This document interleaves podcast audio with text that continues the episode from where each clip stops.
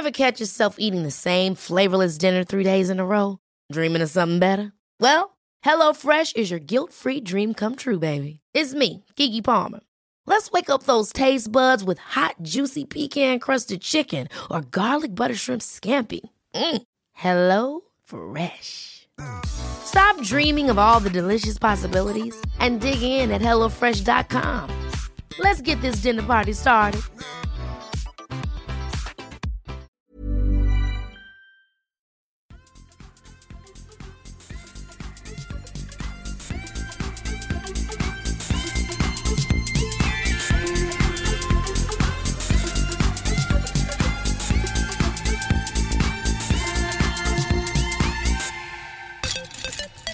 Hej och välkomna ska ni vara till Kedja Ut, en podcast om discgolf tillsammans med mig Tommy Bäcke och Niklas Nyman.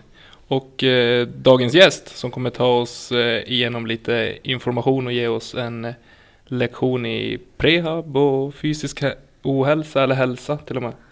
Och eh, förklara lite vad sporten discgolf kan göra för, för folkhälsan.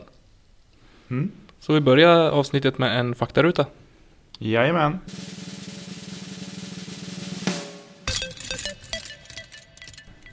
Fullständigt namn, Eh, Pernilla Maria Nylander, ålder, eh, 28, bor, eh, Umeå, familj, sambo. favoritöl, Eh, jag är ju glutenintolerant, så jag tål inte öl. Så jag säger eh, Somersby cider istället. ah. eh, andra sporter än discgolf, Eh, en kort karriär med innebandy och handboll. Sen har jag spelat fotboll största delen av mitt liv. Bästa discgolfminne, Ja men då är det väl par-SM tillsammans med Elin Tobiasson. eh, mest prestigefyllda seger, kan vara en placering också. Ja, jag tror att den får vara samma när vi spelade om tredjeplatsen när vi var nere i Malmö. Mm. Annars så tätt inne på var min NDT-vinst i Umeå förra året. Mm. Favoritspelare, Ja, men jag måste nog också säga Simon Lisotto. Bra Pernilla. Så det är någon som har köpt det här jäkla programmet alltså. Favoritbana, Eh, Kärsjön i Stockholm. eh, favorittävling att delta i, Eh, jag skulle nog säga Vännäs faktiskt. eh, favorittävling att titta på, Den tycker jag var svårt. Men jag tror att jag skulle säga det här Beaver State Fling. mm. eh, ditt drömlag, två damer och två herrar. Men då säger jag nog Simon och så sen Igel. Och så sen så Evelina och Evelina Salladan och så Henna Blomrost. Bra, starkt lag. Kastlängd, Mm. där är de starka. Det finns lite längd i det där laget. Ja, Sätt dem på I20. med minis. Eh, om du för en kväll fick äta middag och splitta några buteljer med valfri person, levande eller död, vem skulle det vara? Ja, jag hade ju först tänkt säga Freddie Mercury. Men då sa ju Elin den. Och mitt andra alternativ det var ju Will Smith. Och det sa ju Ulrik. Men då har jag bestämt mig för Tolkien. Han som skrev Sagan om ringen och Hobbit. Ja, just det. Det tror jag kan vara en trevlig, magisk middag. Ja. Det tror jag också. Om än kanske lite speciell med tanke på böckerna som skrivits. Jo, precis. Och att han levde för ja, ganska länge sedan. Jättelänge Spännande sedan. att se hur de hade det. Mm, precis. Ja, Mm. det var faktarutan. Jag tänkte att vi kan börja prata lite grann eh, om vi blickar tillbaka lite grann på 2019 Mm. och berätta lite grann om höjdpunkterna där, främst inom discgolfen då. Ja. Eh, ja, men, eh, ja, men jag får väl säga par-SM då. Som den allra största grejen. Det var ju asfett att åka iväg och Elin var sådär, men ska vi fara? Och jag bara, ja, vi får se hur det går. Vi far ner dit och så får vi se vad vi kan prestera. Och efter första rundan var vi ganska nöjda för då hade vi gått ja, men, riktigt, riktigt bra. Då ledde vi ju, om jag inte minns helt fel. Sen efter andra rundan skulle vi ju möta ett par tjejer som också var riktigt grymma. Och sen sista hålet där då var vi ju tvungna att ta, jag tror att vi var tvungna att spela par eller ja, birdie, jag kommer inte riktigt ihåg. Men jag var, vet att där var jag riktigt arg för Elin hade kastat ut sig. Så hon, hon gjorde inte sitt bästa hål. Hon är bra på mycket grejer men det där var inte hennes starka sida. Eh, så då var jag som ensam kvar och skulle spela. Och så missade jag parputten. Och jag vart ju riktigt arg för då trodde jag att det gjorde så att vi inte skulle få spela i TV dagen efter. Så jag svor ju som en gorma och jag höll på att börja kasta grejer runt mig. Och Elin var ju så nöjd. Hon bara, fan det gjorde vi hur bra som helst. Och jag som bara, hur, hur fan kan du tycka det? Vi missar ju liksom platsen nu. Och sen så räknar vi efter det ett tag. Och sen kommer vi som på att, fan vi ska ju spela TV imorgon. och då som att jag bara, okej. Ändå att du blir så arg och Elin liksom bara... Ja, hon bara, det här blir jättebra. Typ bara så här börja kramas och sånt där. Så jag bara, vad fan gör du? Vi missar ju som. Och sen så efteråt, jag bara, men gud, sorry. så jag tror att det är väl det jag kommer ihåg mest. Och så sen sista, sista UM-tävlingen då. Visste jag att jag var tvungen att vinna för att jag skulle hamna på andra plats. Mm. Och då när vi var klara de sista hålen och jag vann med en. Då kände jag som att ja, det här var något som jag kommer komma ihåg nästa år också. Mm. Härligt. Mm. Det känns som är, det, vi måste försöka få till ett avsnitt med både Elin och Pernilla samtidigt. Och bara bryta ner par-SM. Jag känner nu att jag skulle höra så mycket mer om det faktiskt. Aha. Med er båda Mm. bredvid varandra. Frågan är om vi hade behövt säga någonting egentligen. Nej det tror jag inte. Men det hade varit så här. fantastiskt roligt att bara få spela in det avsnittet. Det, verkligen. Helt klart. Ja, alltså jag tror Elin är absolut down. Så att, Ja, det tror jag också. Definitivt. Ja. Men hur det var inför par-SM och sådär, var det mer en spontan grej eller hade ni pratat om det länge och att anmäla er och köra liksom? Ja, alltså jag tror Elin hade tänkt på det längre än vad jag hade gjort. Mm. Och så hon var så här, ja, men vill, vill du hänga med? Och jag typ bara, ja, alltså vi, vi får väl se vad vi dug till ungefär. Och hon var ju som så här, men vi tar pall och jag bara, lugna dig. vi får se hur det går. Eh, och sen, vi hade ju försökt träna ganska mycket ihop ändå och tänka på vad vi skulle ha för strategier och hur vi skulle göra. Eh, vi var ganska, vi var ändå väldigt duktiga med, med förberedelser och sådär. Så att med facit i hand var det kanske inte så konstigt att det gick bra för oss ändå. Men eh, det var inte, vi hade inte pratat jättelänge om att vi skulle fara. Nej. Utan hon bara säger, ska vi anmäla oss? Vi bara, okej, vi gör det. Jag har inte så mycket bättre för mig ändå, så vi kan fara. Mm. Roligt att en sån där spontan grej blir så lyckad då. Ja, jo Också. faktiskt. Vi, vi försökte ju... Nej men jag håller med. Det var jätteroligt. Och det kändes som att man blir mer sporrad då. Att, ja, men typ, vi anmälde oss ju på SM ganska direkt efteråt och bara, men får vi se om vi kan rida på den här vågen. Mm. Det gick inte riktigt lika bra. men man har ju lärt sig något tills nästa år i alla fall. Mm. Ja, alltså ändå att det går, gick vägen så pass, eh, så pass bra. Mm. Ändå, jag menar ett brons är ändå bra. Mm. Mm. Ja, alltså man ska ju inte vara missnöjd. Verkligen inte. Det tycker jag inte ni ska vara. Så, nej men det känns kul. Kul att ha med sig det. Och så en andra plats på totalen i NDT. Mm. Det det. Ja. Jag kom ju trea första året jag var med. Så det är som, min plan var ju att ja, men bli bättre än trea då. Mm. Så att, att jag ändå blev tvåa, då får jag väl också säga att jag inte är särskilt missnöjd med den säsongen heller. Jag hann ju bara vara med i sex tävlingar. Eh, Men jag vann ju tre av dem, så att det känner jag ändå att eh, det är väl okej. Ja, men sex av nio är väl ändå helt okej, Mm, tänker jag. ja, man kanske ska Vilka missar du? Luleå, och så var det Wasteland, för då var vi iväg på SM. Ja, just det. Den missar ju Sen den var också. det ju, ja precis, så var det någonting mer, jag tror att det var Härnösand.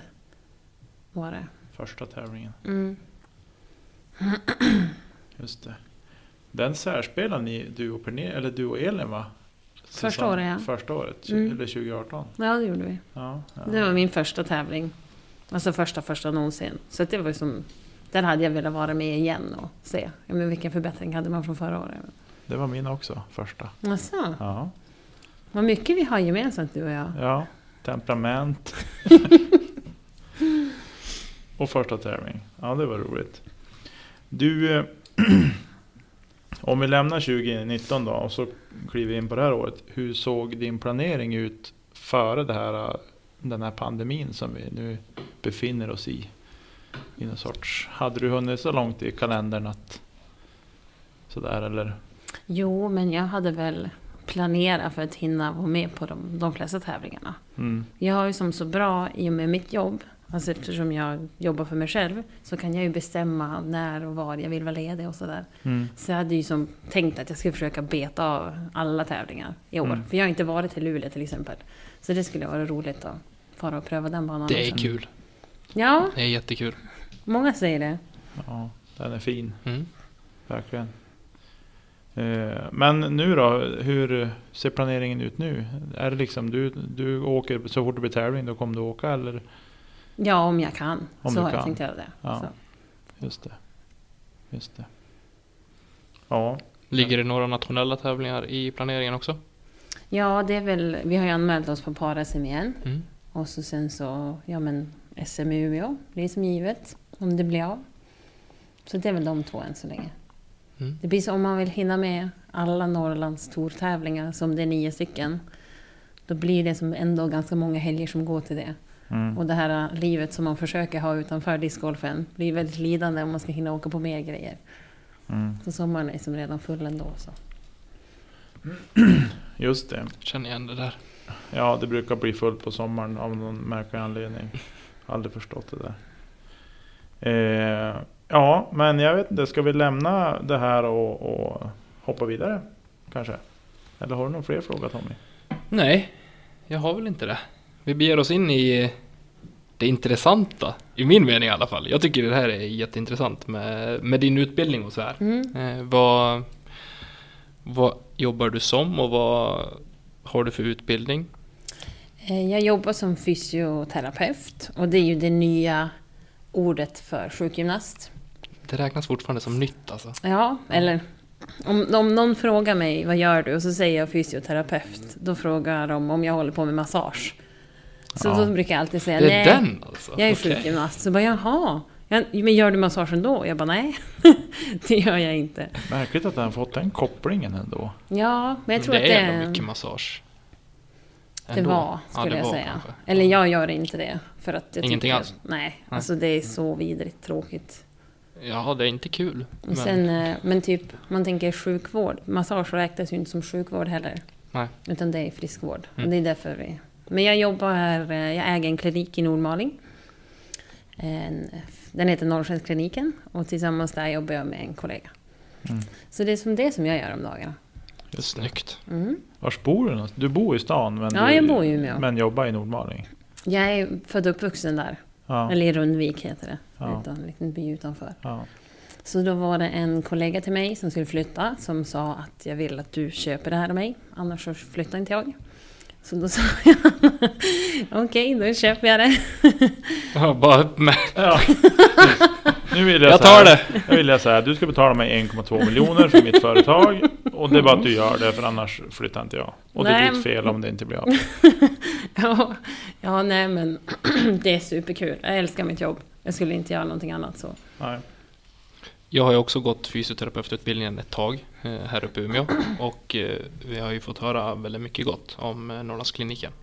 Ja, Norrskens va? Norrskens. Ja, jag Nor- bara, Norrlandskliniken, det är, ju- det är annat det. Det, det är något helt annat.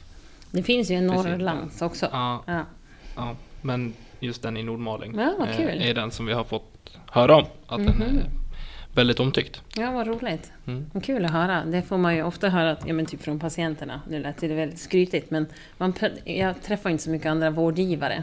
Nej. Så man får ju inte riktigt så mycket input så. Men det var kul. Just det. Eh, vad... ehm, Vad ser du för största, om man säger fel som människor gör för att de ska liksom komma till dig? För att få hjälp?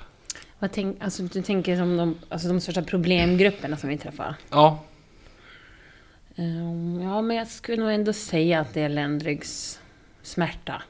mm. Alltså, och mycket över, alltså overuse. Man överanstränger sig på ett sätt som inte är särskilt gynnsamt. Alltså till exempel så sitter vi ju, alltså nu sitter ju vi, men människor generellt sitter ju alldeles för mycket.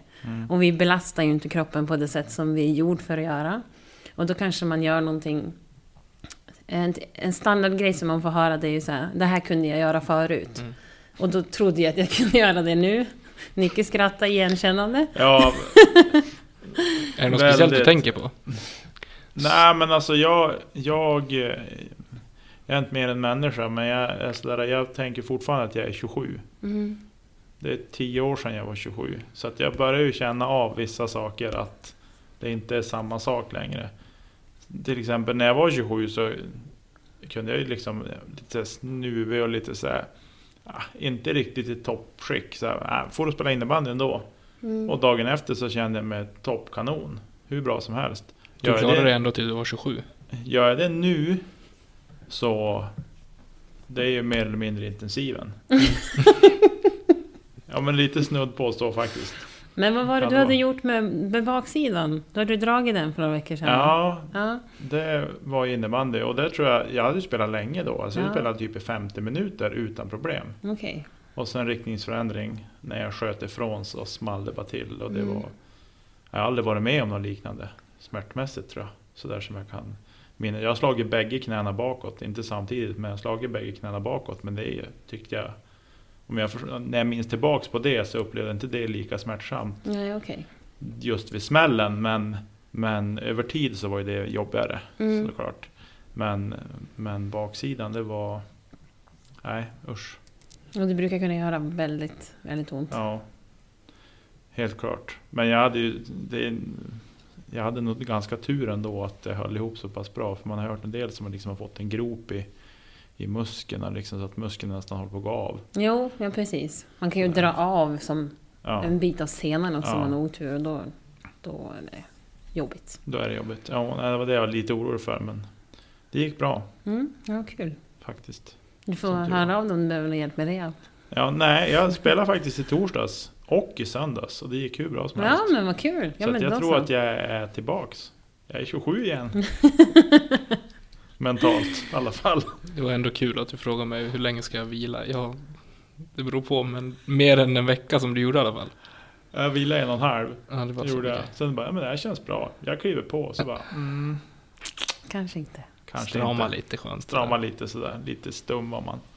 Ja, Men om vi återgår till, till ländryggsproblemen och eh, överansträngning och sådär. Mm. Vad är det främst att, alltså det sittandet som vi har mycket av idag i samhället som är det stora problemet? Eller är det att vi inte gör andra saker som, som är det Ja, stora problemet? jo precis så skulle man egentligen kunna uttrycka det. Alltså att vi, det vi typ gör är att vi kliver upp, käkar, tar bilen till jobbet, sitter på jobbet, åker hem i bilen, far hem typ, kanske motionerar en timme och sen sätter vi oss ner en timme, alltså resterande del av kvällen och sen typ tittar vi på TV.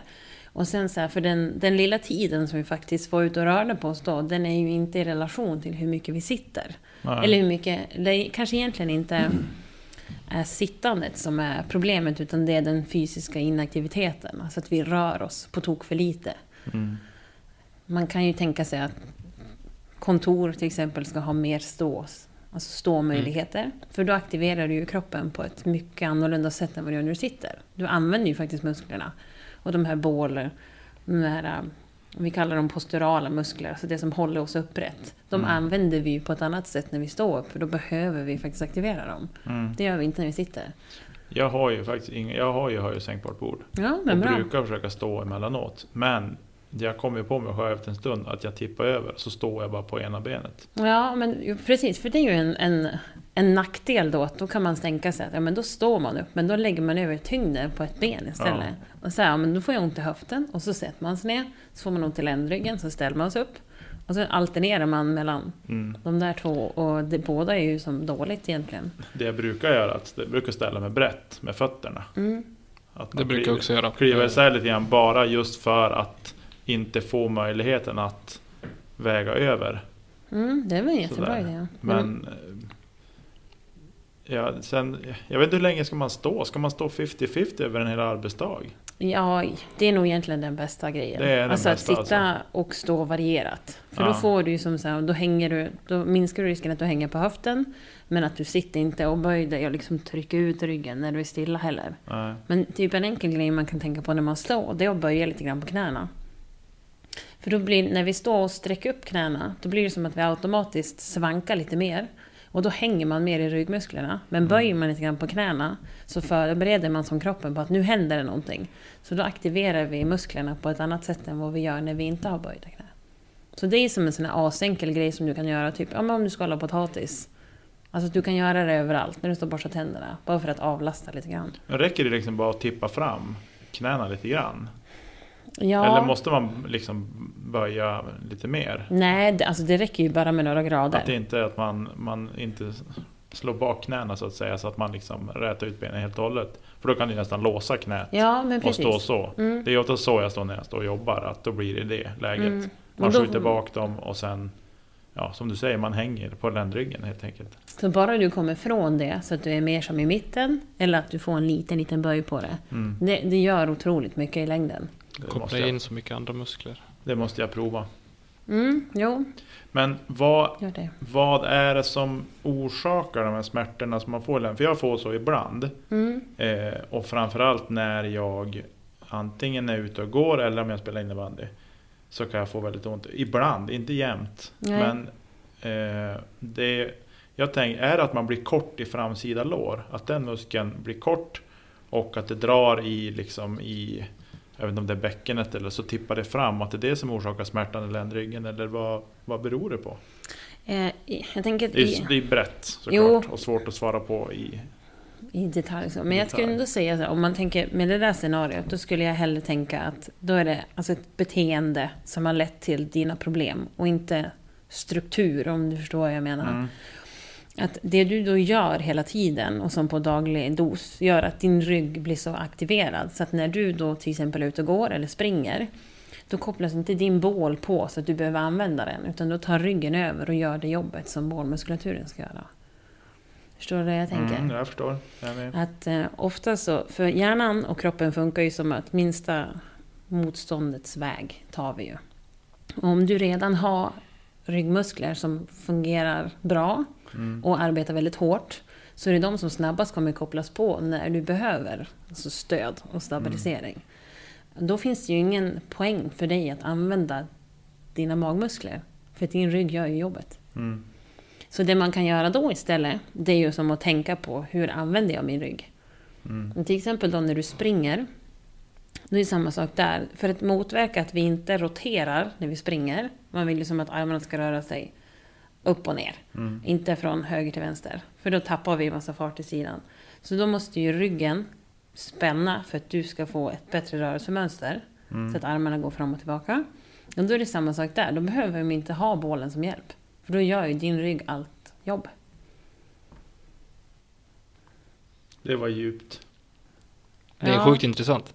Otroligt intressant. Tur att det är så snabla tråkigt att springa. Man slipper tänka på det. Ja, det håller jag med dig om. Men eh, det är nyttigt framförallt att kunna Ja. se men, avvikelser i både alltså i, i rörelsemönstret. Mm. Eh, om man säger. Mm. Sen en annan sak som jag tycker är otroligt fascinerande, det låter kanske konstigt men när, ju äldre man blir, alltså speciellt på män, så ser man ju att rumpstorleken blir mindre och mindre.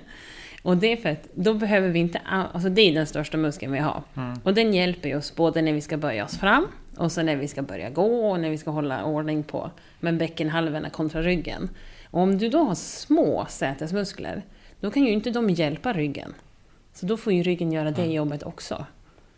Så det där är en som en grej som jag gör när jag är på Ica, då kollar jag... Vad har vi för Kolla på din efterplog, halvväg. Nej men nu, nu när jag har berättat det här så kan ni ju titta på Mm. folk som ni känner och se, ja men hur ser det ut? Och så säger jag så här, vet jag att de har ont i ryggen? Ja men de kanske inte har någon bra sätesaktivering. Och så får andra muskler jobba istället. Mm. Men sen ryggsmärta är ju super, alltså superindividuellt. Mm. Du kan ju ha som du har, kanske mer ett beteendebetingat besvär. Men man kan ju ha, alltså om man tänker strukturella problem i ryggen. Typ att du har problem med lederna, eller ligamenten eller diskarna. Och då kan ju de trycka på nerver. Och det kan ju också göra att musklerna inte funkar som de ska. Så det är väldigt så här, när folk frågar mig så här, jag har ont i armen, vad är det? Då kan man ju bara, Hur tung är en sten? Ja. Hur långt är ett snöre? ja ungefär. Ja. Nej, Men, den är jättetufft. Det är ju jätteviktigt att liksom få reda på vad är det som kanske har orsakat det och hur lever man och vad, vad ja, men, Ja, hur ser både ens livsstil och även vad som kan ha orsakat det själv. För det kan ju vara en, säger man fortfarande passiv skada eller, en, eller akut och eh, vad heter Ja, men typ kroniskt tror jag Ja. brukar säga. Men långvarig egentligen Ja. så. Mm. Eh, så det kan ju vara olika saker som har legat bakom det. Mm, ja, men eller hur. Och det är det, därför är det också så himla svårt att säga vad ska du göra för att du blir av med det. Mm. Eftersom man inte riktigt kan säga... Går inte att pinpointa på en gång vad som har gjort att man har fått problemet. Nej, och man vet inte kanske vad som, vad som triggar smärtan heller. Ofta kanske det bara är själva smärtan som måste lägga sig innan, Mm. innan man kan påbörja någon typ av behandling eller undersökning överhuvudtaget också. Jo, precis. Men tänk dig typ i Nickes fall då. Om en sån kommer till mig och bara kan du knäcka till mig för jag får ont i ryggen när jag är ute och går. Mm. Då har man ju som själv så att ah, men det kommer inte att funka på det viset. För det kommer inte att slä- Om jag gör det så får inte du bättre bålmuskler av det. Nej. Så det är så här, det kan vara, Mm. det kan vara så mycket. Och det är oftast det som är det tråkiga med att gå till ja, men sjukgymnaster, fysioterapeuter, kiropraktorer också. Att många tror att okej, jag har jätteont i ryggen och så Mm. knäcker någon till och så ska det vara bra sen. Ja, precis. Men det är inte riktigt så, så roligt. Oftast. Nej, Nej ibland det funkar det ju. Alltså inte kanske i ditt fall då, men andra gången kan man ju se magiska resultat. Bara, fan vad Ja. bra det blev nu på en gång. Och det, då kan man ju verkligen bara, fan jag älskar mitt jobb, det här är så jävla roligt. Mm. Men i annat fall tar det lite längre tid och det får man bara acceptera att det, det händer inte på en dag. För det du har gjort har du säkert hållit på med jättelång tid. Så att du ska bli bra på en dag, det är liksom vansinne. Men när du jobbar på alltså kliniskt, jobbar du både med alltså prevention och eh, eh, alltså akut om man säger, alltså behandling? Ja, Direkt behandling precis. då? Mm, jo. Och vad, hur ser arbetsfördelningen ut där? Är det mest av Det är mest alltså så den direkta här... behandlingen eller är det mer Ja, prevention precis. och så? Mest, jag har ont nu, hjälp mig. Ja, Eh, den, den här, så här kan du göra för att inte få ont sen, den tycker folk inte är så intressant. Utan hjälp mig nu, och sen så ringer jag dig när jag får ont igen. Så, så ser det mesta ut. Men det, vi har ju en del prevention också. Mm. Eh, oftast är ju det de som har haft besvär tidigare som har gått över själv, som du sa, kroniska som, eller akuta smärtor som har gått Mm. över. Som vill så här, ja men vad kan jag göra åt det här för att det ska bli bättre? Det är en liten del, men de finns absolut. Men de allra flesta kommer ju som redan när skadan är skedd. Mm. Klassiskt. Mm. Vänta in i det sista. Ja. Nej, jag tycker ändå att jag någonstans är i... Trots min, min kroppshydda så har jag faktiskt otroligt lite besvär. Tycker jag. Om jag jämför med många andra Mm, i samma ålder. ja, bra. Eh, och det är jag tacksam för. Så, men i fjol hade jag jättemycket problem med en fot. Tack vare discgolfen. Alltså, Ja, men jag spelade väldigt mycket i fjol också. men vad var det då? Jag fick ont eh, på utsidan på foten kan man säga. Mm, Eller på, okej. den, på den sista tredjedelen mot lilltån till så att säga. Åt, I sidled sett över hela foten. Okej. Upp som mot bristen till hade jag jätteont. Eh, gick bra under rundan Mm. och sådär när jag spelade. Men efteråt, liksom när man kom hem, tog sig skorna, duscha, satte sig i soffan kanske, eller Mm. vad man nu gjorde. Och sen när man ställde sig upp och skulle gå så kunde jag halta första 20-25 stegen innan jag liksom kunde börja gå ordentligt. Okej. Och, så. Men, och det gick bättre om jag hade skor på mig, men då tror jag att det här fick stöd också av själva skon så att säga. Att det, foten satt fast på ett annat sätt. Mm, okej. Eh, så det har jag väl varit lite orolig för att det ska komma tillbaks i sommar. Eh, men eh, förhoppningsvis så. Jag har, borta? har inga problem nu i alla fall. Så att, Nej, vad bra. och så. Och jag hade, då hade jag under förra våren också, för det kom ganska tidigt, så spelade jag, hann jag spela några gånger innebandy också. Och då hann jag ju känna det där också. Mm. Så att jag vet inte vad det berodde på men vi får se. Hade du samma skor när du spelade innebandy som när du kastade? Nej, Hoppas jag verkligen inte att du hade. nej inomhusskor var lite halkiga faktiskt. Ja, Ja, men just det här med skor är ju superintressant. Alltså typ om man tittar på ja, men typ nolldroppskor. Det är väl två proffs som spelar med några zero drop skor. Vad är det för? Eagle spelar ju Vivo Barefoot. Ja, han, gör det? han till och med har dem? Okej. Eh, vad det är för någonting? vad är det här för någonting? Det har jag ingen aning om. Det har jag aldrig hört talas om. Det finns ju men, egentligen ett koncept med där det, alltså nivåskillnaden mellan häl och tå är 0 millimeter. På en vanlig klassisk alltså springsko så brukar det ligga någonstans mellan 10 och 12 millimeter. Ja just det, så man blir mer platt. Så att säga. Mm, Mellan med, med de här nolldroppskorna ja. Ja. Och, och så är vi ju. Jag har ju mestadels sådana skor. Det är sådana jag springer i och sådana jag går i. Jag har ju barfotaskor till vardags också. Sådär. Mm. Och det är för att just den här alltså, nolldroppet, det är ju så vi är skapt. Mm. Så då det vi gör då är att lyfta upp, här, alltså lyfta upp hälen då. Så då förlägger vi som all belastning framåt. Till exempel fram i fotleden, fram i knät, lite längre fram i höfterna. Så att all vår tyngd tas ju lite längre fram på kroppen. Och det här har man ju sett till exempel hos unga, unga tjejer som spelar fotboll. Fotbollsskorna är ju oftast lite dropp på, inte lika mycket som löparskorna då. Men att det är, är ju större risk att man får besvär med knäna om man har sådana skor. Mm. Slatter och sånt också då. Ja, typ. Sen broskbesvär under knäskålen och sådär. Så att- Intressant. Det här är ju som asintressant för att du kan ju undvika sjukt mycket besvär om du har rätt skor.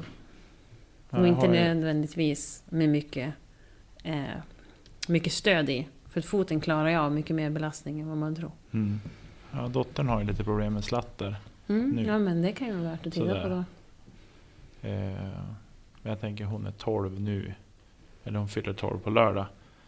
Eh, men hon är lång för Mm. sin ålder också. Alltså hon är ju 1,65 eller vad hon är Okej. nu. Så att hon är ganska stor också. Jag tror att det har hänt mycket där. Alltså hon har vuxit Ja, hon kanske inte har växt klart heller. Nej, nej, nej. nej. Oh, nej. Eh, så att jag tänker att det är mycket det. Och det är, det är ju, tjejer är ju lite tidigare än vad killar är. Och så där också utvecklingen. Så att jag tänker att det är sådana saker också som påverkar. Mm. Men det var intressant. Det kan ju vara värt någonting att titta på. Åtminstone för vardagslivet tänker jag. Att ha sådana skor. Så kanske fotbollen kan de klara sig med, Men de, de har jag. med de de har. Vanliga fotbollsskor. Faktiskt. Ja, är vi...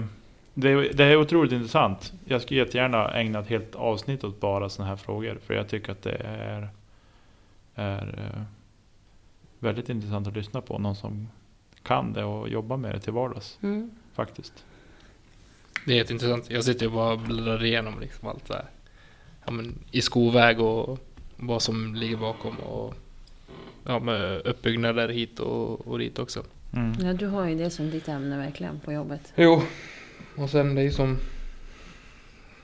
Det är ju precis som du säger, alltså träning går ju mer åt, speciellt inom löpning, springa mer neutralt, springa mer terräng, springa mer, eh, men, men då mer dämpat Mm. eh, i det. Men precis som du säger, även försöka få bort droppet till viss del också.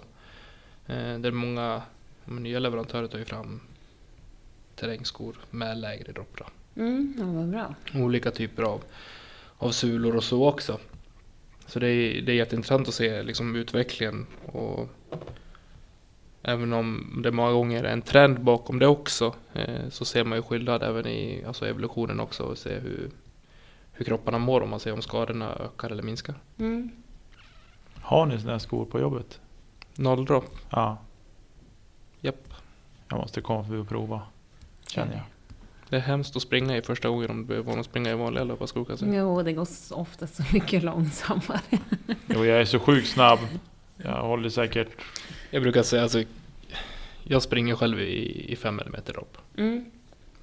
Eh, och som ligger någonstans däremellan. Och de som är man van att springa i en 10-12 eh, i dropp så brukar man säga att ja, men någonstans 5-8 kan vara bra att lägga sig emellan en säsong. Mm, Eh, och kunna, ja, om man vill neråt och springa mer.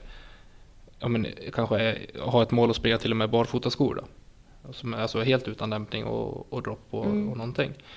Eh, men att någonstans kunna smyga ner det, få någonstans vänja kroppen. För du, är du 25 år gammal och har sprungit i ett par skor som är 10-12 millimeter dropp i, i 15 år så då kommer det krävas en viss vanetid för det också. Jo, för att komma in i det. Exakt. Och, så det har, det har lite med evolution att göra också. Mm. Jo, precis. Man måste de- hinna vänja sig in vid det. Mm. Jag hade ett par Icebug som jag sprang på vintern på. Mm. Som jag hade, tror jag, det 13 eller kanske 15 Mm. millimeter på. Sen när jag bytte, när säsongen som var över för dem då jag drog på mig mina nolldroppare. Så höll jag på att avlida. Jag fick så sjukt ont i knäna. Mm. Jag fattade ju inte varför tills jag kollade vilken dropp det var. Så tänkte jag så här, ja men en och en halv centimeter, det gör ju... Du får ju väldigt mycket alltså, avlastning. Ja, precis. Så Sen att- frågar man, eh, frågar man Icebug så säger de att ja, men, ta Charlotte Kalla och de, de väljer ofta att springa i ett lite högre dropp på, Mm. på vintern jämfört med sommaren. Eh, av olika anledningar. Sen är inte jag så pass stort löpproffs så jag ska inte svara på varför det är så. Mm. Eh, men ja, det finns vissa, vissa tankegångar bakom det. Vad, vad man väljer för typ av skor, speciellt vid löpning då. Mm, ja, men det är som du säger, det är jättebra att trappa ner. Alltså det är ju som en Mm. förutsättning för att man ska kunna springa också. Så man vänjer sig vid det. Men det är intressant. Alltså, om det är 15 mm drop. Ja, det är ganska Som mycket. förälder här leder jag det en legobit. Som är typ 10-12. Kliva på en sån gör skitont. Ja. Så att eh, jag förstår problematiken. Jo. Men det ska vara intressant att prova faktiskt. Ja, du får åka förbi Tommy på jobbet och pröva. Ja, Jag måste göra det. Så jag slipper åka till Nordmaling och få hjälp. med min kropp. Ehm, vi hoppar vidare tror jag. Tänker att vi, vi har ju fått en del lyssnarfrågor. Mm. Eh, som jag vill att vi går igenom. Sen ska vi prata lite mer discgolf och, och skador och sånt där också på slutet tänker jag. Eh, men vi kan väl börja med Peder Boberg frågar. Jag skulle vilja ha tips på enklaste och effektivaste uppvärmningsrutinen. Bör man investera i ett gummiband eller liknande för att få igång ryggen? Det, det är ju oerhört individuellt skulle jag säga, alltså uppvärmning. Vissa behöver ju ingenting och andra behöver ju hur mycket som helst. Men det man kan tänka sig med discgolf det är att det är ju en väldigt explosiv idrott. Så någon typ av uppvärmning måste du hålla på med om du har tänkt kasta en längre period. Så, men jag tänker så här, till exempel om man ska köra en KD här i Umeå så har vi relativt nära till allting. Så typ ställ bilen, gå dit. Då får du igång benen och så får du jobba med höfterna för där måste du som hela tiden, ja men du går ju så du värmer ju upp dig. Eh, så att det är en, en, en, ett enkelt och ett jättebra sätt att värma upp underkroppen i alla fall. Och gummiband är ju egentligen en asbra grej för det är ju enkelt och det väger inte så mycket och du kan ju använda det till stora delar av överkroppen. Mm. Och det man kanske ska tänka på där är att börja med att värma upp, om man då har ett gummiband, att börja med att värma upp de stora muskelgrupperna som typ är ryggen, eh, bröstmusklerna, för de behöver vi ju när vi ska kasta forehand. Eh, och Det så- har man känt. man kan ha slitit sig någon gång Det kanske. kan det ha gjort. Men, men också sen så är det ju toppen för att använda, för att värma upp axeln. Den blir ändå ganska belastad även fast största delen av kraften ska komma från bålen. Och så sen så med tricepsmuskeln, alltså som sitter på baksidan av armen. Eh, och det man, bästa sättet att tänka där då, det är att börja med rygg, rygg och bröst. Så typ så här rodd. Sätt fast den i ett träd och så gör man några, några rodd. Och sen, sen så bara snor du på dig och så gör du några, några bröstpress.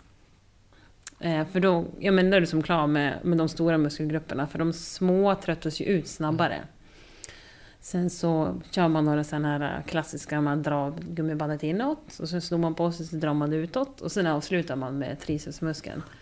Så gör du då kan man ju göra den rutinen på vänstern också men det behövs oftast bara på, eller ja, du gör det på din kastarm om man så. Mm.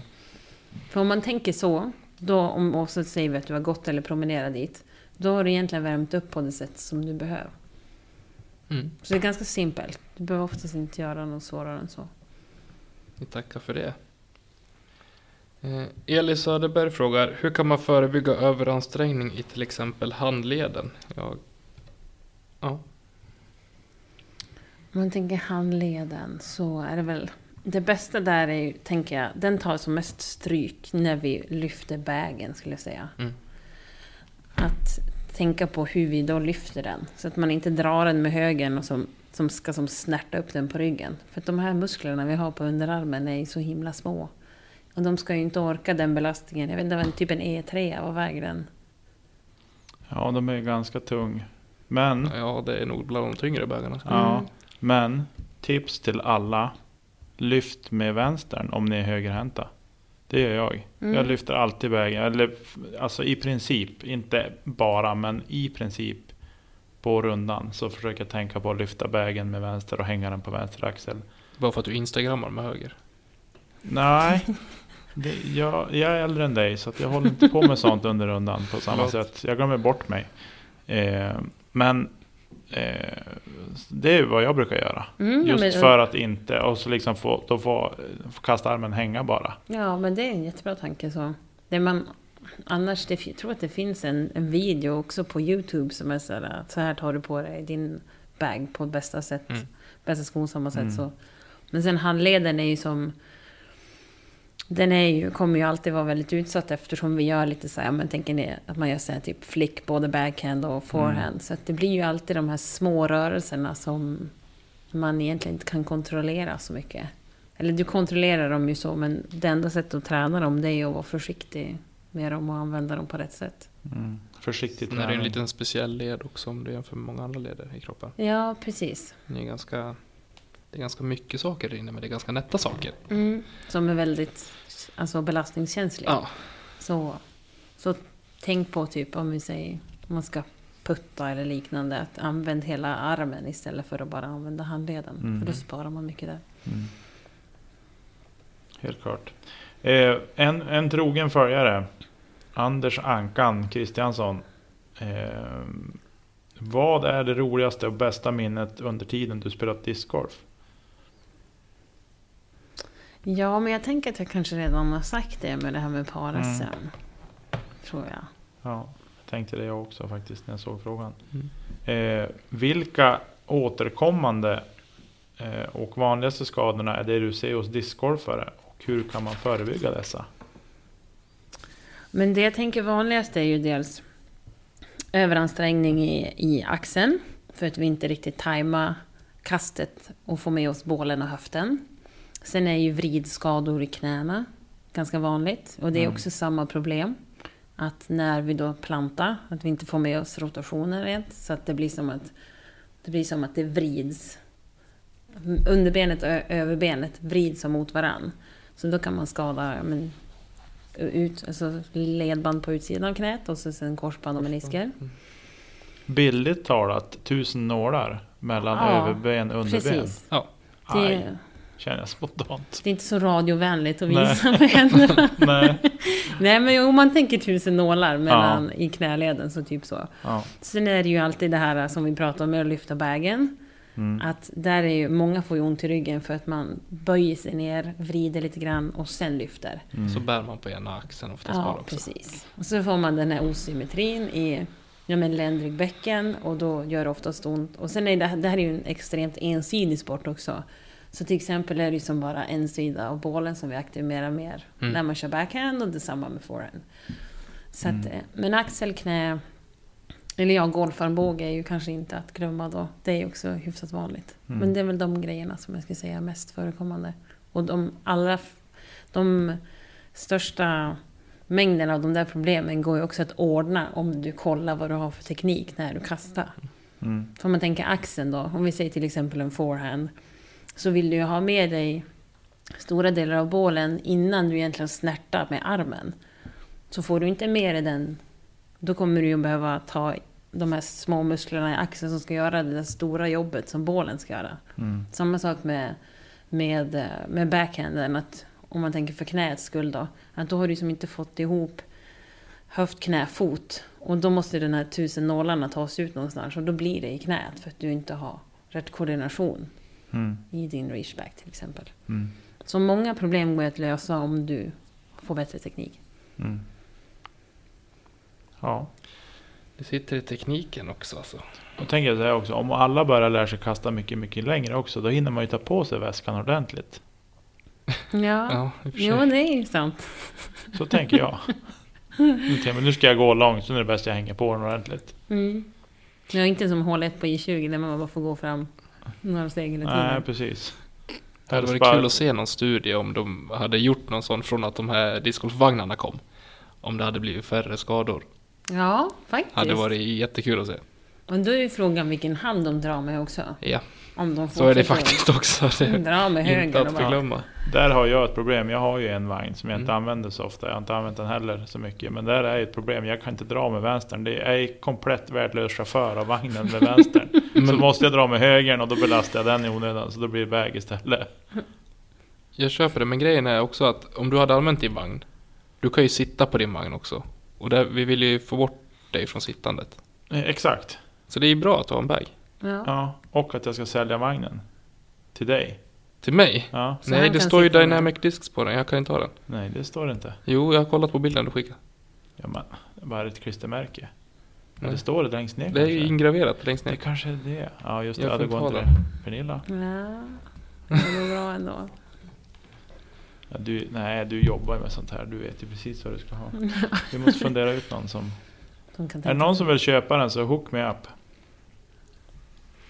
Eh, Nästa fråga. Från Elina Rydberg. Eh, Den bästa rekommendationen för vad man bör göra efter en runda eller en tävling?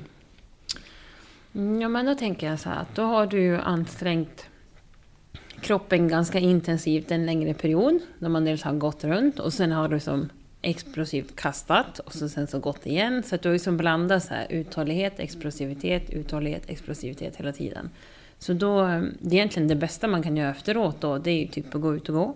Alltså promenera. För då får du ju som ändå så här, det här monotona tugget i benen. Så att har du eventuella slaggprodukter i dem, om du typ har gått upp och ner mycket, då tar ju du bort det under promenaden. Och då får armarna och kroppen bara som hänga med i benens takt. Så att då hinner de också som blöda igenom om man tänker för cirkulationens skull. Och så, sen så är de återhämtade Typ nästa runda eventuellt då. Mm. Jag, tänker så här, det, jag tycker inte att det är en bra idé att till exempel fara ut och typ straffspringa om det har gått dåligt. Eller fara och träna. För du är ju redan som fysiskt och psykiskt utmattad efter att du har spelat. Mm. Så att så här, promenera eller så gör du någonting som du tycker är nice. Alltså typ så här, gå och bada eller ha det bra, sätt dig och läs en bok. Att sätta sig på den lokala pizzerian och klämma en kebabtallrik är inte att rekommendera. Alltså, Nej, av egen erfarenhet. Det är sådär. nej men då var vi tillbaka på det där med sittandet igen. Ja, jag vet. Men stå och käka, det går bra. Nej men det är också så här, om man tänker så här, kroppen måste få vila. Mm. När man har ansträngt sig. För, för varenda gång du gör något så bryter du ju ner musklerna. Och då är det minst lika viktigt att de får tid att läka igen. Mm. Så att ja men promenera eller möjligtvis så här, små jogga. Men Någonting annars, i lägre intensitet. Ja, ändå. precis. Mm. Bara som för att vara igång. Speciellt om det är som en runda två dagen efter. Då är det bara så här, håll igång maskinen. Lagomt. Mm. Men om man, har- om man då till exempel som kanske är det vanligaste för, för de flesta i Sverige, Mm. tänker jag. Eh, som spelar kvällsdiskar och allt vad det kan tänkas vara. Efter en sån runda då, det är liksom det bästa man kan göra då, det är en promenad. Ja, eller cykla hem. Eller cykla hem. Ja. Alltså för ju mer du tröttar ut dig, desto sämre funktion har du ju. Och om man tänker när vi... eh, För, för det var någon som var så här, ja, men kan man inte bara dra en runda till då sen efteråt? Ja, men det, du kan ju göra det, men oftast har ju du tröttat ut dig så pass för att du har varit spänd under första. Mm.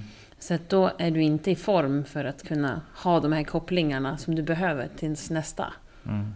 Alltså så är det så här, om man tänker att du har tävlat, då tycker jag verkligen inte du ska fara ut och kasta igen sen. Utan då far du hem och så sen så bara begrunda vad jag gjort idag, vila och så börja om dagen efter. Mm. För annars kan man ju lätt säga, ja men nu ska jag bara fara ut och träna på det jag gjort dåligt. Fast du är egentligen inte i skick för det. Varken fysiskt eller psykiskt. Nej. Så att det du gör behöver inte alls gynna dig. Det kan heller göra så att du skadar dig. Mm. För att du har inte själva, själva samma timing i kroppen som du hade när du började. Ja. Just det. Ja, det är bra svar. Riktigt bra. Hon kom även med en, en andra fråga. Och då vill hon ha en effektiv uppvärmningsövning för att värma upp höfterna specifikt då. Mm. Ordentligt.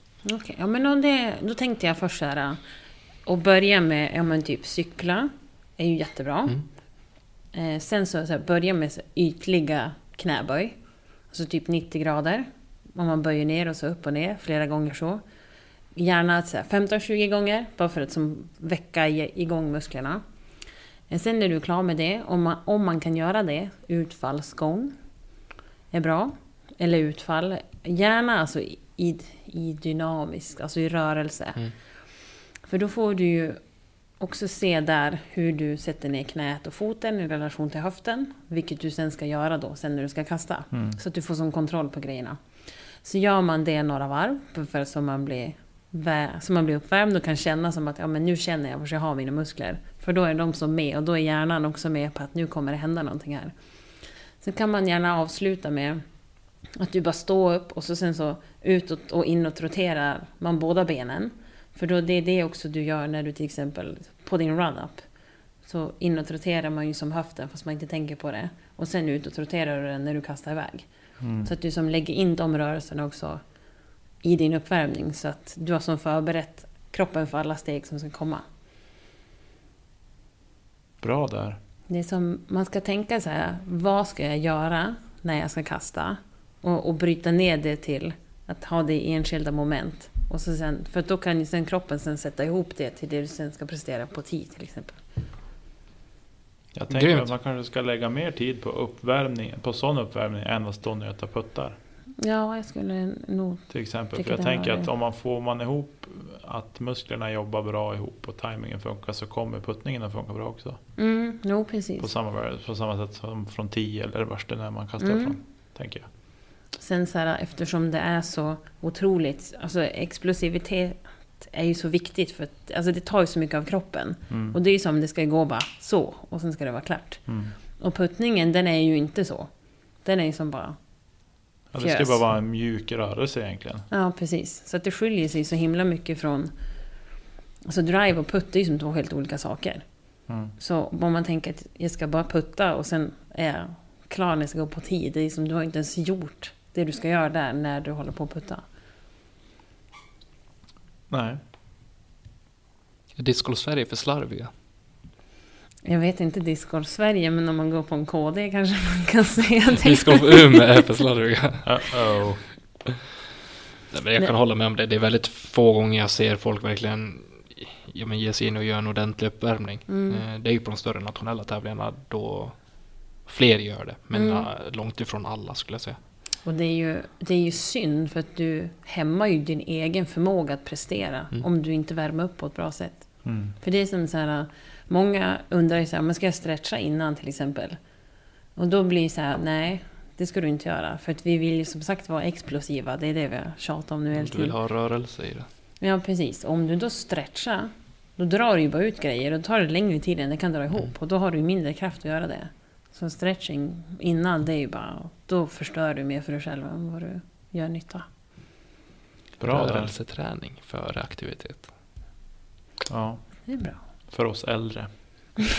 Ni ungdomar kan, Ja, vi ungdomar behöver det också. kan skoja med annat. Christer Frank frågar, jag har, eller han, ja, han ställer en fråga. Jag har ett problem med huvudvärk när jag spelar discgolf. Eh, det upplevs ofta som att en sprängande huvudvärk eh, som jag själv upplever kommer via nacken. Vet du vad det kan bero på? Jag har blivit tipsad om att andas ut när jag drivar, läs tar i. Eh, men jag vet inte riktigt om det hjälper. Nej, men det kan väl ligga någonting i det. Spontant skulle jag ju säga att han måste ju göra någonting som påfrestar nacken mer än bröstryggen. Mm. Eh, En sån där grej skulle jag nog rekommendera någon att gå och titta upp lite mer ordentligt. För det behöver inte bara vara... Om man tänker huvudvärk som är ansträngningsrelaterat kan ju komma från problem i nacken också. Ja. Och som inte bara behöver... Det kan han ju som uppleva, kanske i andra idrotter också. Mm. Så att det... Det kan, nej men precis, och jag känner också lite så att just när det kommer ja, men till huvudet och så via nacke och så här så borde det nog tittas upp eh, i ett fysiskt möte med läkare eller liknande.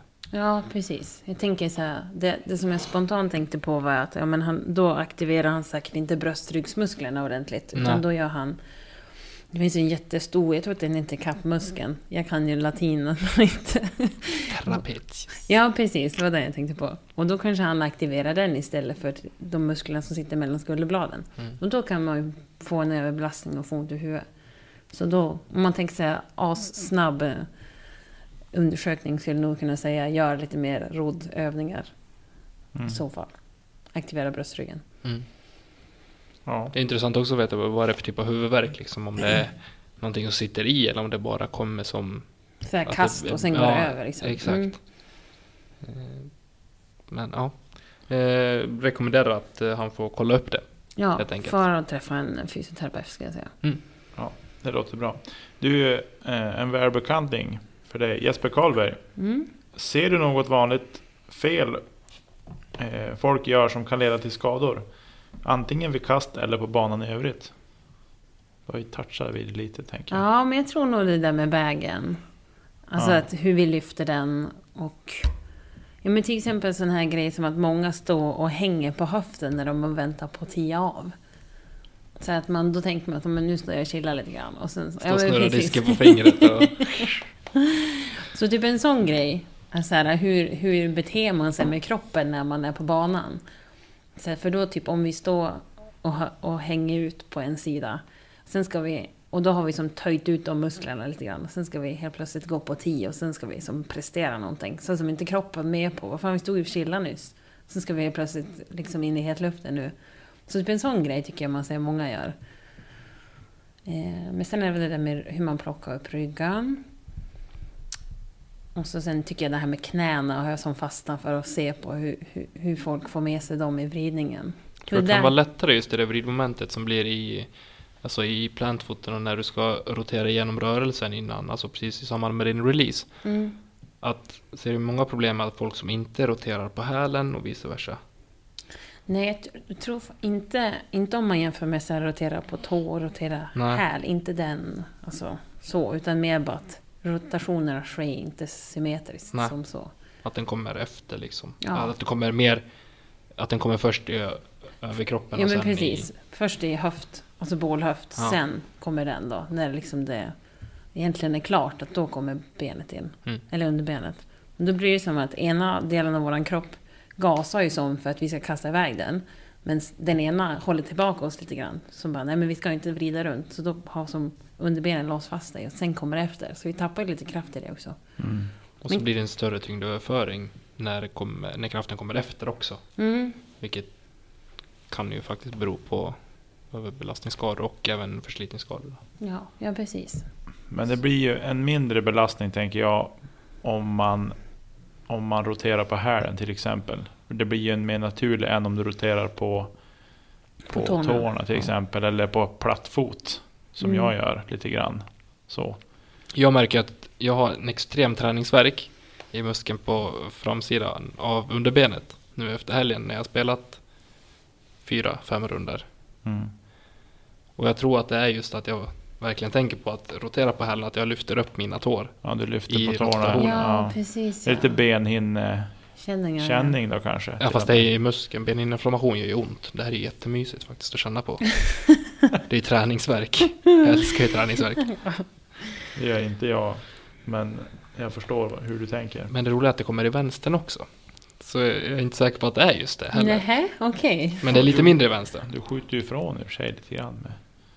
Ja, men det blir ändå inte... Ja, Ja, inte riktigt samma. Nej. intressant Eh, i alla fall. En, en, eh, en lång, här kommer en lång, eh, ett långt Tre stycke. PS har vi här nu. 3 P, ja tre, oj just det, efteråt också.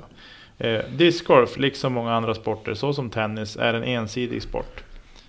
Eh, det vill säga, vanligtvis använder man mest sin andra sida arm för att kasta disken. Eh, för att balansera detta har jag börjat ta några eh, 2-4 kaströrelser med en handduk med min andra sida. I mitt fall min vänstra arm, mellan hålen under en runda samt kasta åtminstone några kast under träning ute på fält eh, fieldwork.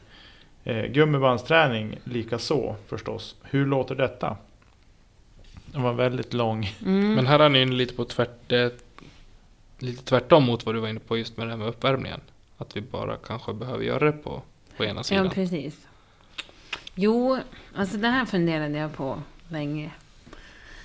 Eh, Jag tycker det här med gummibandsträningen, det, det köper jag att man gör det på båda sidor. Alltså för att, eller inte under runda kanske, men så här sen. För att vi lär ju oss ju alltid, om vi säger om man tränar höger biceps så har de ju sett att det sker ändå så här förändringar i nerven så att den vänster också blir starkare.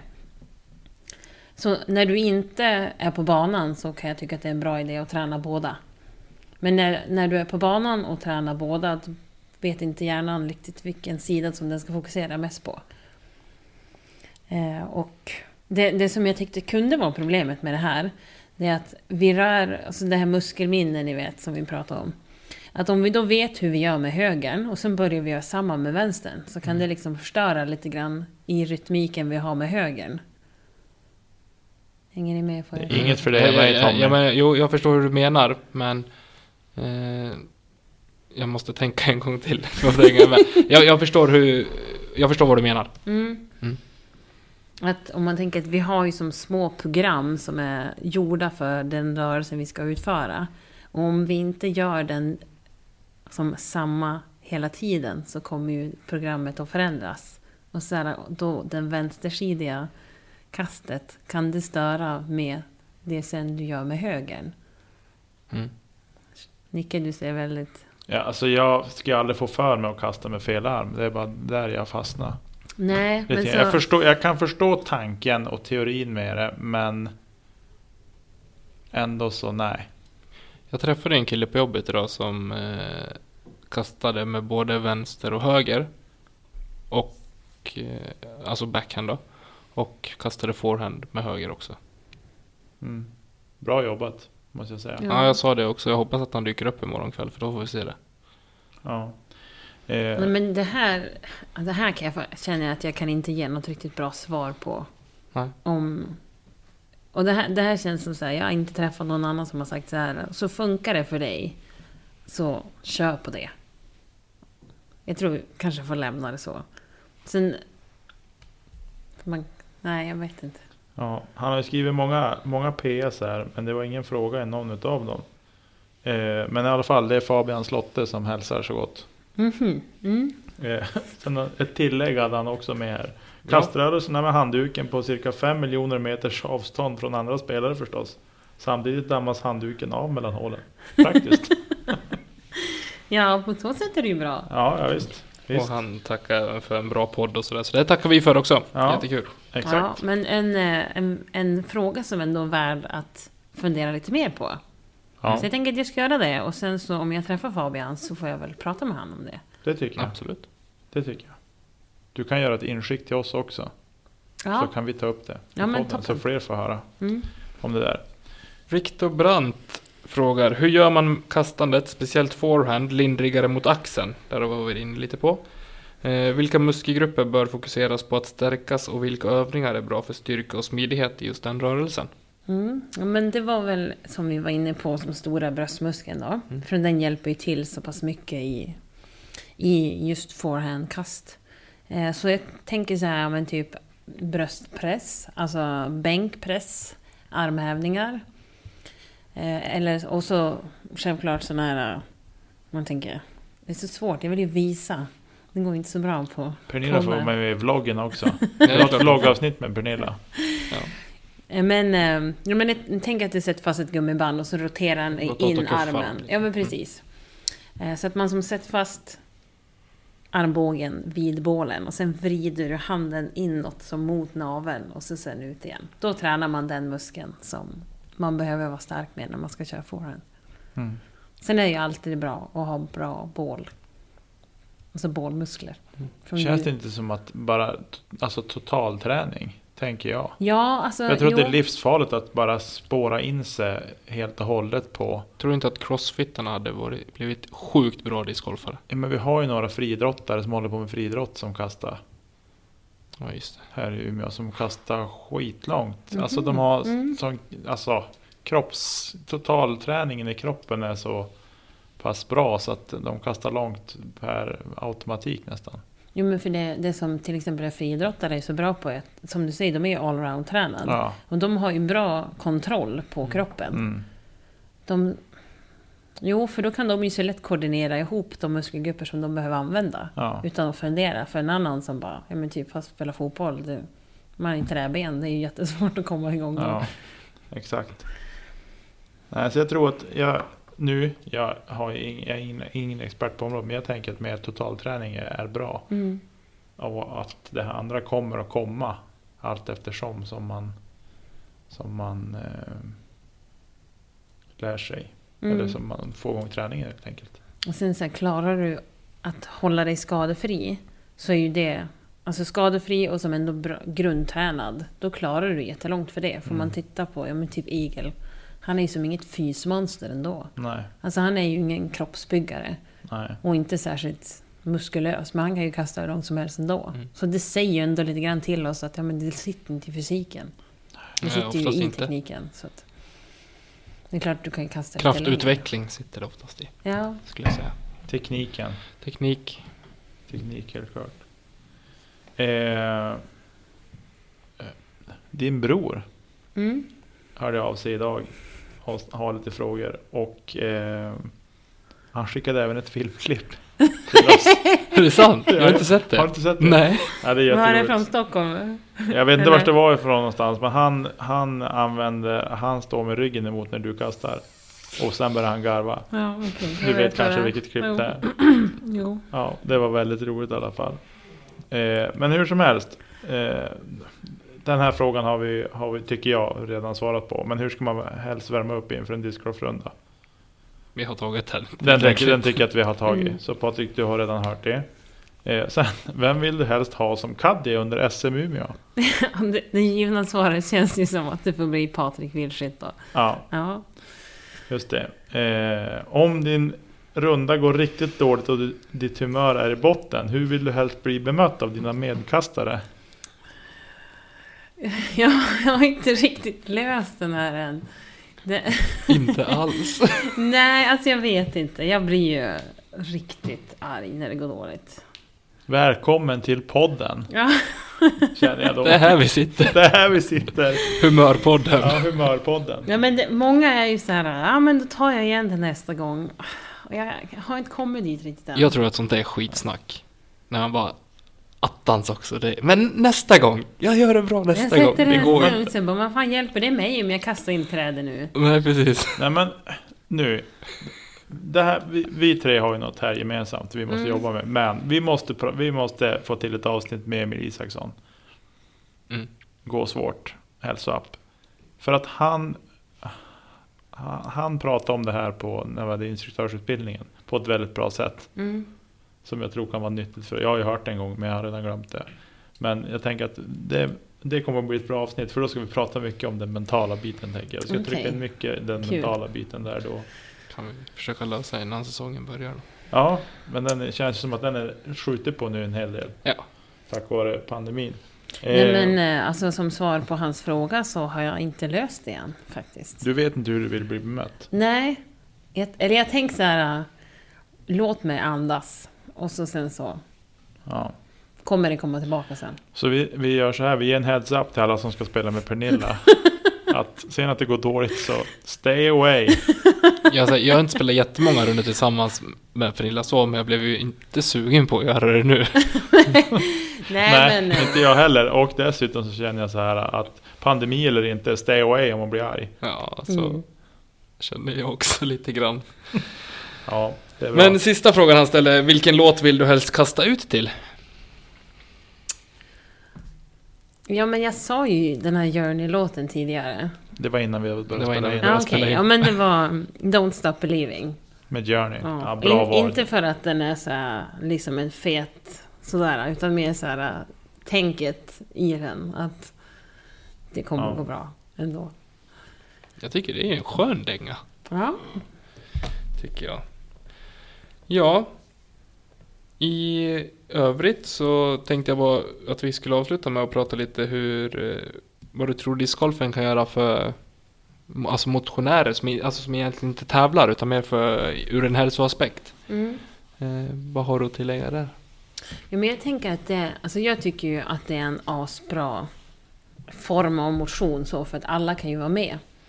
Och så säga egentligen, ja men typ barnbarn och morfar kan ju typ gå för att du behöver ju kunna promenera och du behöver ju kunna kasta. Mm. Och det kan ju i princip alla göra. Och det är väldigt lättillgängligt för att det finns ju banor typ ja, men, på ganska mycket ställen nu. Oftast utan ja, men, typ banavgift så att det kostar ju väldigt lite att vara med också. Och många kommuner håller ju nu på att införa så man kan låna diskar. Till exempel, så det är väldigt god tillgänglighet för sånt här. Och det skapar ju, det tar ju kanske, om man säger en runda kanske tar två timmar eller något sånt där. Beroende på hur många man är då. Men då är det ändå två timmar där du är ute och rör dig och inte som är Ja, inaktivitet. Så att jag tycker att det är ett skitbra sätt att komma igång. Och du kan ju som sagt dra med allihopa, du rör dig, du får upp lite flås ändå, du får ofta gå upp och ner i terräng. Så det blir ju det är väldigt bra för kroppen så. Och sen så psykisk träning för vissa då. Nej, men så att jag tycker att det är verkligen så här, någonting som jag hoppas att fler kommuner och ja, men kanske regioner också promotar. Att kolla, det här är ett lätt och billigt sätt för oss att röra oss mer. Mm. Definitivt. Helt klart. Jag blir ju väldigt glad när jag ser folk som är ute med, både med, med barnvagn eller speciellt när jag ser äldre personer ute, alltså 50-60 år som alltså bara har en disk och liksom umgås på det sättet. Att liksom ja, men kasta en disk och egentligen utan att veta vad det går ut på eller någonting Nej, sånt. Utan nej, man, har, precis. man har sett att det finns en korg och man vet att man kastar en, en plastbit liksom. Och, och det ser jätte, jättekul ut. Mm. Eh, Och jag tror att kan vi komma någonstans dit att se alltså en betydligt större målgrupp eh, som spelar discgolf så tror jag att sporten kommer ha nytta av det också. Mm. Ja, men jag tycker att det är en bra tanke. Alltså så. För att ju, och det är ju också så här, även fast man kanske inte är bra på det, så har man oftast, oftast roligt.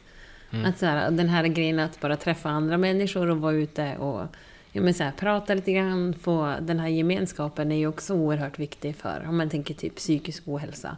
Komma ut och träffa någon och bara prata och gå. Och, det gör ju så extremt mycket för välmåendet. Så att, Mm.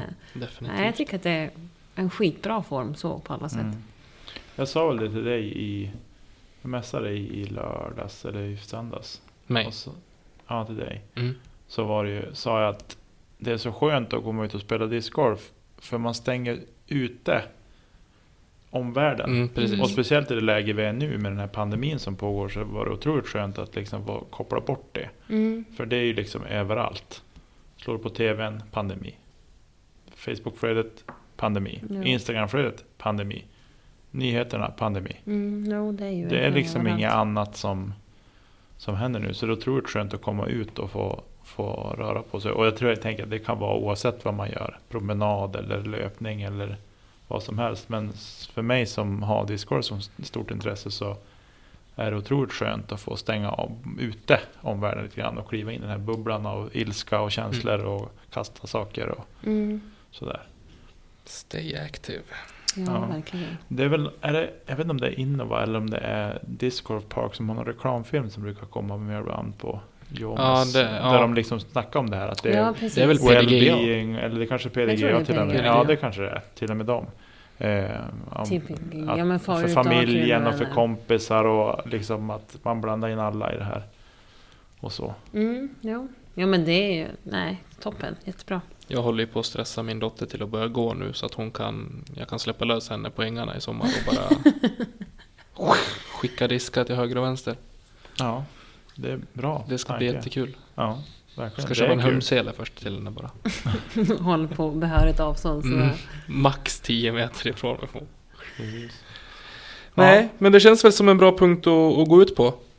Ja, Mm. jag tycker att eh, Pernilla har gjort det bra. Svarat på de frågor du har fått. Mm, Väldigt, ja, väldigt men bra. tack. Väldigt bra.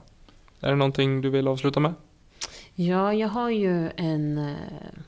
Ja, men team, jag är ju med i Team Anheuser. Klart du är. Det har vi inte pratat om någonting. Nej. Så, så då, då har jag pratat med Isak och då sa han att han kunde bidra med ja, men en giveaway.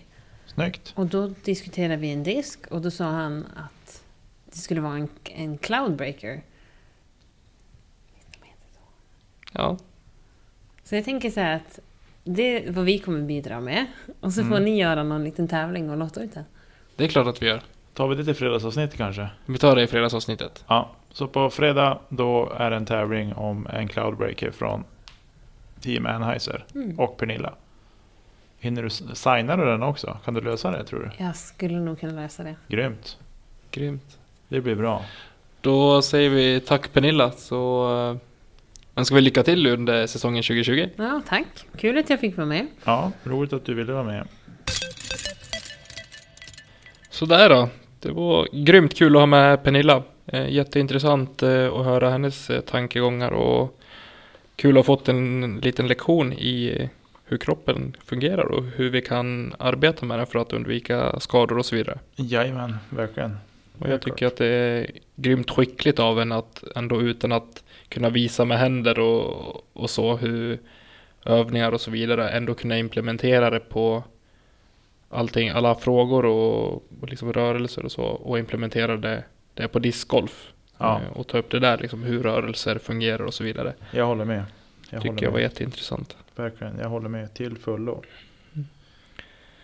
Men vi har lite tävlingar eh, som har varit, eller en tävling som vi tänkte ta upp. Och då är det Revolution Race Tour, deltävling 3 i Skatås. Där det deltog cirka 100 pers. Självklart var de här då uppdelade i två pooler med max 50 i varje. Mm. Eh, med en paus emellan då, efter de nya riktlinjerna med... Nej, vi ska inte prata om det idag. Nej. Nej. Det var så i alla fall. Att Eh. det var två poler och det var en lång paus emellan. Jajamän. Och eh, Pro Open vinns av Danne Johansson före Rickard Sköld. Nej, de hade till och med samma resultat här. Minus 9. Eh, och på tredje plats kom David Lundqvist. Mm. Nu får ni skälla på mig igen om jag är på fel grej, men det finns bara en runda att välja på, på Pool A. Eh, och eh, Open Women vinns av Pia Andersson före Linda Emanuelsson och Elina Rydberg. Mm. Och Novice vinns av Henrik Andersson före Albin Sabo och Fredrik Johansson, Andreas Moberg och Anders Lindskog som eh, fick samma resultat där. Mm. Kul. Stort grattis till er som fick dels tävla eh, och Ja. även ni som tog er upp på pallen. Såklart. Grymt bra jobbat. Ja.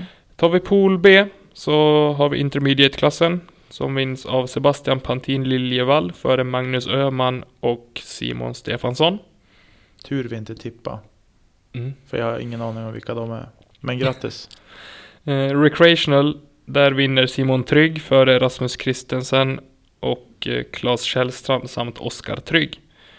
Kan det ha varit ett eh, syskonpar, det där Simon och Oskar? Man vet aldrig, Ja, släkt i alla fall. kanske.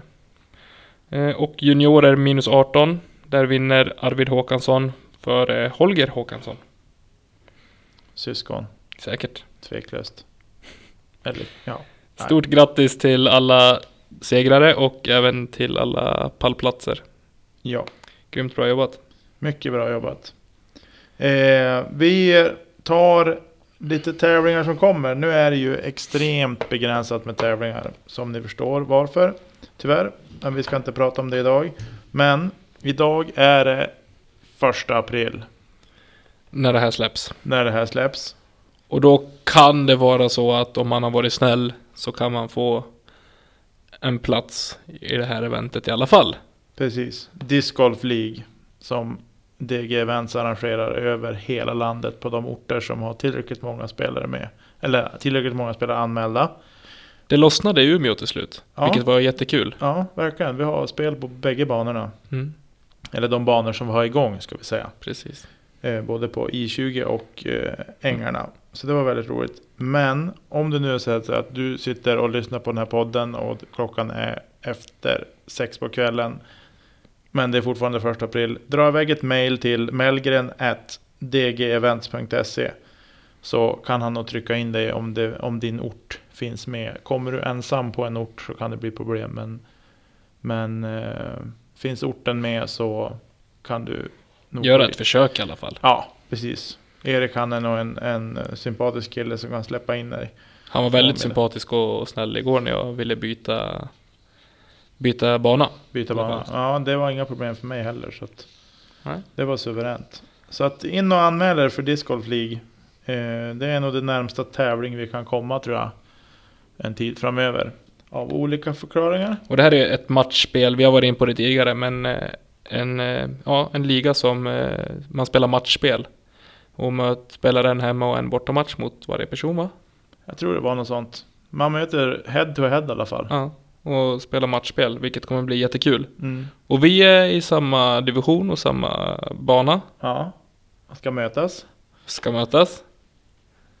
Så, det har ni inte kul. sett eh, vintervloggen, de sju hålen vi spelar mot varandra, så kolla på den så kan vi se hur det utvecklar sig. Precis. När det blir lite tävling över det hela. Det blir spännande. Och lite mer känslor och på allvar och sådär. Precis. Eh, ja, men du, jag tror vi, vi, vi lämnar det där. Ja, Nicke. Hur har din helg varit? Helgen har varit bra. Eh, jag spelade discgolf både lördag och söndag faktiskt. Snyggt. Ja, eh, nu är det så här Tommy. Att vi har ju inte haft någon varken hyllning eller sågning i det här programmet. Nej. Än så länge. Men jag och Willman, vi har, vi har kommit överens om att vi ska såga dig.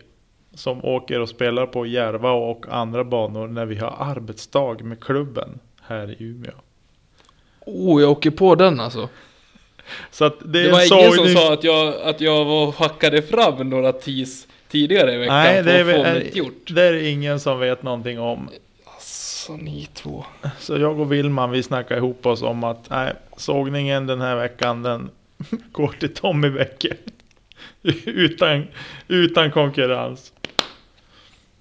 Ja, det är med glimten i ögat. Och du gjorde ett bra jobb med ett halvt tee. Med ett halvt bara. Ja, ja. Nej, men i alla fall. Jag spelade vinterdisken i, i eh, sista vinterdisken var det faktiskt. På I20 i lördags. Eh, det gick ganska bra. Jag höll ihop det tycker jag. Tills det var tre år kvar. Då var det boogie-boogie på fyran, femman. Tyvärr. Eh, så att jag landade på plus två till slut. Tror jag. Jo, plus två landade jag på. Så att, ja. Det var väl helt okej. Jag tror jag varit fyra totalt eller något. Tre eller fyra totalt. Väl okej. Ja, det är helt okej faktiskt. Eh, och sen i söndags så hade vi som sagt var arbetsdag Mm, på banan. just det. Eh, och eh, det var bra, bra uppslutning. Jag tror att vi var 14 eller 15 pers Det är grymt. till slut. Eh, Stort tack till alla som ja. var där. Verkligen, hatten av till oss som var där. Mm. Och eh, det var tjockis på, på vissa. Hampe och, och Peder tror jag drog nitlotten faktiskt. Det såg ut som att det var så grymt tjock is där när vi passerade, när vi var på väg ut. Femman. 17 tog de. Och det Ja. såg ut som att det var typ två decimeter tjock is Mm. där. Men de hade rensat fram det när vi var på väg Magiskt. tillbaka. Så det var riktigt bra jobbat. Och sen efter det så gick vi en runda. Jag och eh, Fredrik Nilsson, Macke Jakobsson och David Wiklund.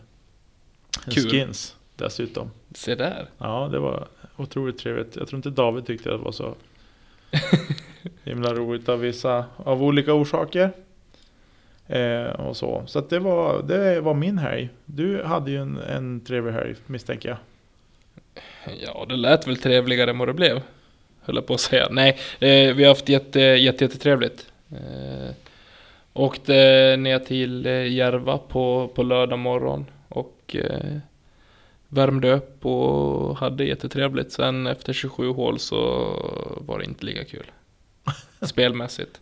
Men det är alltid en upplevelse att få vara där. Det är ju fantastiskt. Eh, ett fantastiskt fint område, ett fantastiskt, eh, en fantastisk discgolfbana. Mm. Eh, Det går inte att komma undan.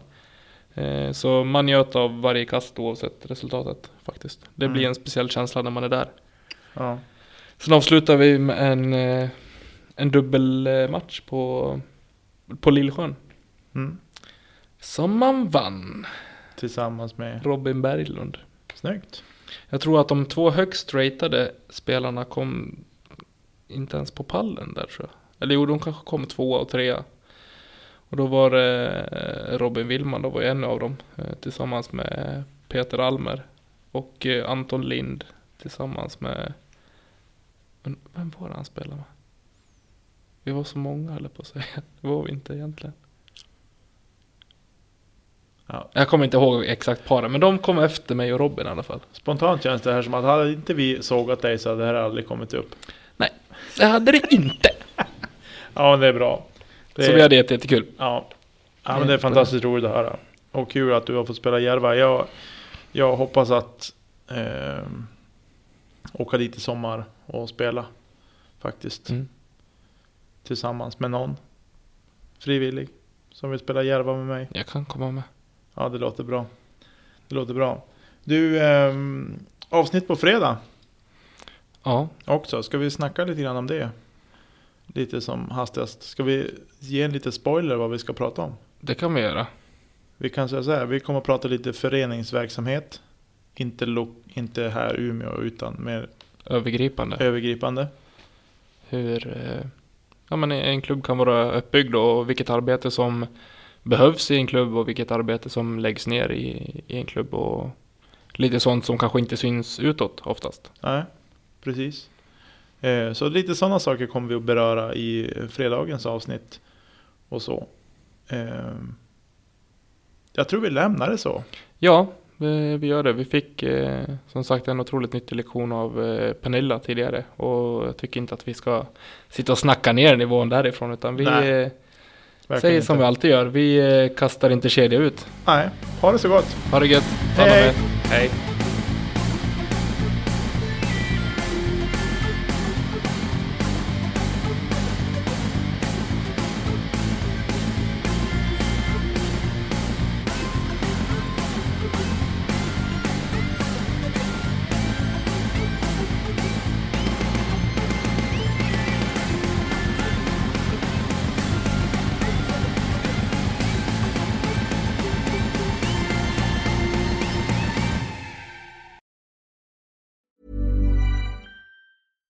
Catch yourself eating the same flavorless dinner three days in a row? Dreaming of something better? Well, HelloFresh is your guilt-free dream come true, baby. It's me, Kiki Palmer. Let's wake up those taste buds with hot, juicy pecan-crusted chicken or garlic butter shrimp scampi. Mm. Hello Fresh. Stop dreaming of all the delicious possibilities and dig in at HelloFresh.com. Let's get this dinner party started.